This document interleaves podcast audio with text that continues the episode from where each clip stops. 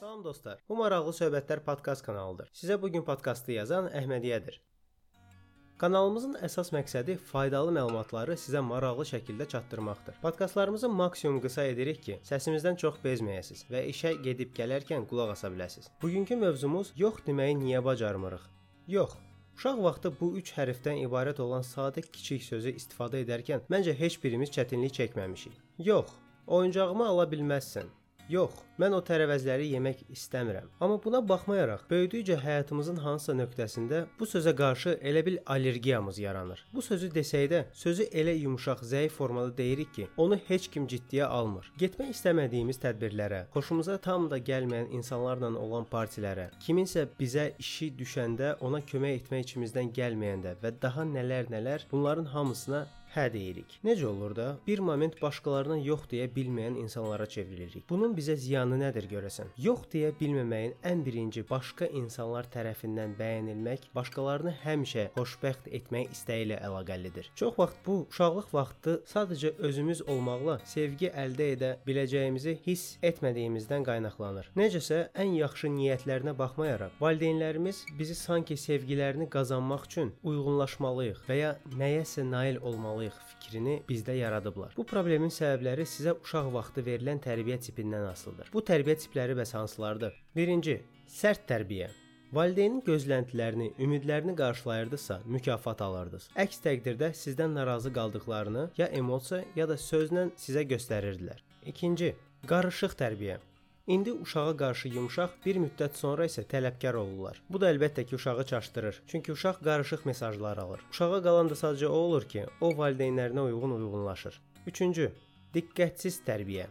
Valideynin çətin bir münasibət, stress və ya depressiya ilə üzləşdiyini görüb uşaq sadəcə istəklərinə uyğunlaşır ki, onu əlavə stressə salmasın. 4-cü həll edilməmiş tərbiyə. Valideyn şəxsi məsələlərini öz valideynləri ilə həll etmədiklərinə görə sizə qarşı da səhv rəftar edirlər. Yəni valideynləri onlara qarşı səhv edirdi. İndi də eynisini uşağa edirlər. 5-ci inamsız tərbiyə. Valideynin özgüvəni aşağı olduğu, özünü sevmədiyi və öz hörmətini artırmaq üçün düşür uşağın üstünə. Bunu valideyn uşağa təzyiq göstərərkən özünü yaxşı hiss elədiyi üçün edir. Yox deməyi bacarmamaq həm də ictimai və mədəni təsirə görə də ola bilər. Misal üçün, ola bilər ki, uşaq vaxtında ətrafınızda olan hamısı desin ki, xanımsansa sənin əsas işin kişiyə xidmət göstərməkdir. Və yaxud başqa bir nümunə. Maliyyə baxımından çətin mühitdə böyüdüyünüzə görə tez-tez valideyninizi bəzən kobud bossu işdə qabağa getmək üçün həmişə razı salmağa çalışdığını görürdünüz. Görürdünüz ki, bu boss onun nə qədər xoşuna gəlməsə də, başını salıb bütün sözləri götürüb işini davam edirdi. Bu arada statistikaya görə yox deməkdə çətinlik çəkən daha çox xanımlar olur. Bunun genetika ilə heç bir əlaqəsi yoxdur. Bu sadəcə sosial təsirin nəticələridir. Yaxşı, bəs niyə biz yox deməliyik? Hə desək həyatımız daha həyəcanlı olmaz? Əlbəttə, amma əgər həyəcan verici, həyat məqsədlərinizə və dəyərlərinizə uyğun olan şeylərə hə deyirsinizsə, bu halda hə sözünü nəinki deyə bilərsiniz, hətta deməlisiniz də. Amma əgər hə sözünü demək istəmirsinizsə, amma özünüzdə deməyə məcburiyyət hiss edirsinizsə və ya düşünürsüz ki, əşi nə olar ki, istəmirəm. Böyük ziyan yoxdur. Onda heç bir halda hə deməməlisiniz. Başqa sözlə desək, yox demək fədakarlıq formasıdırsa və sizi öz istək və ehtiyaclarınızı zaman keçdikcə unutdurursa, bu yaxşı şey deyil. Yox deyə bilməmək bir sıra neqativ psixoloji təsirlərə də gətirə bilər. Ən birincisi də pis münasibətlərə. Belə görsənə bilər ki, yaxın dost və tanışlarınıza həmişə hə desəz, yaxşı münasibət saxlamış olacaqsınız. Kim xoş xoşlamaz ki, onlara kimsə yaxşılıq və köməklik etsin həmişə. Lakin uzunmüddətli perspektivdə bunu qəbul etsəz də, etməsəz də, hiss edəcəksiniz ki, manipulyasiya olunursunuz. Yaxın adamınıza yox deyə bilmirsinizsə, demək ki, onunla dürüst deyilsiniz və əsl emosiyalarınızı içinizdə saxlayırsınız. Vaxt keçdikcə dostunuza qarşı passiv aqressiya yaranır və müəyyən hallarda qeyri-adekvat reaksiyalar da özünü göstərir. Vaxt keçdikcə özünüz haqqında pis düşünməyə başlayırsınız. Özgüvəniniz düşür aşağı və bununla birgə də başqalarının da sizə qarşı hörməti və marağı. İkinci psixoloji təsir təşviş. İngilis dilində anxiety. Hamıya hə dediyiniz, onların işlərinə daha çox vaxt ayırdığınız üçün öz məqsədlərinizə ayırmağa nə vaxtınız qalır, nə də enerjiniz. Bu da zaman keçdikcə narahatlıq hücumlarına gətirə bilər. Tanış gəlir, oturursunuz işinizlə məşğul olursunuz, birdən özünüzdə onu başa düşmədən narahatlıq hissi yaranır. Bu narahatlıq ona görə yaranır ki, şuuraltınız başa düşür ki, get-gedə öz məqsədlərinizdən və qurmaq istədiyiniz həyatdan uzaqlaşırsınız. Üçüncü psixoloji təsir depressiya. Həmişə başqalarına hə hə demək özünüz haqqında pis düşünməyə və bir müddət sonra özgüvənin aşağı düşməsinə gətirə bilər. Aşağı özgüvən də depressiyanın ən əsas simptomlarından biridir. Bütün vaxtımızı öz istəklərimizə çatmaq üçün nəsə etmək əvəzinə başqa insanları xoşbəxt etməyə sərf ediriksə, bir gün bu ümumiyyətlə nə istədiyimizi bilməməyə gətirə bilər. Bilmirəm ki, nə ilə məşğul olmaq istəyirəm. Həyatda məqsədim nədir? Nə etməliyəm? Nəyi xoşlayıram? Nəyi xoşlamıram? Və digər sualları cavabsız qoya bilərsiniz belə davam etsəz. Bunlar hamısı şəxsiyyətin zəif formalaşmasının nəticələridir. Bu da yenə də depressiyaya gətirə bilər.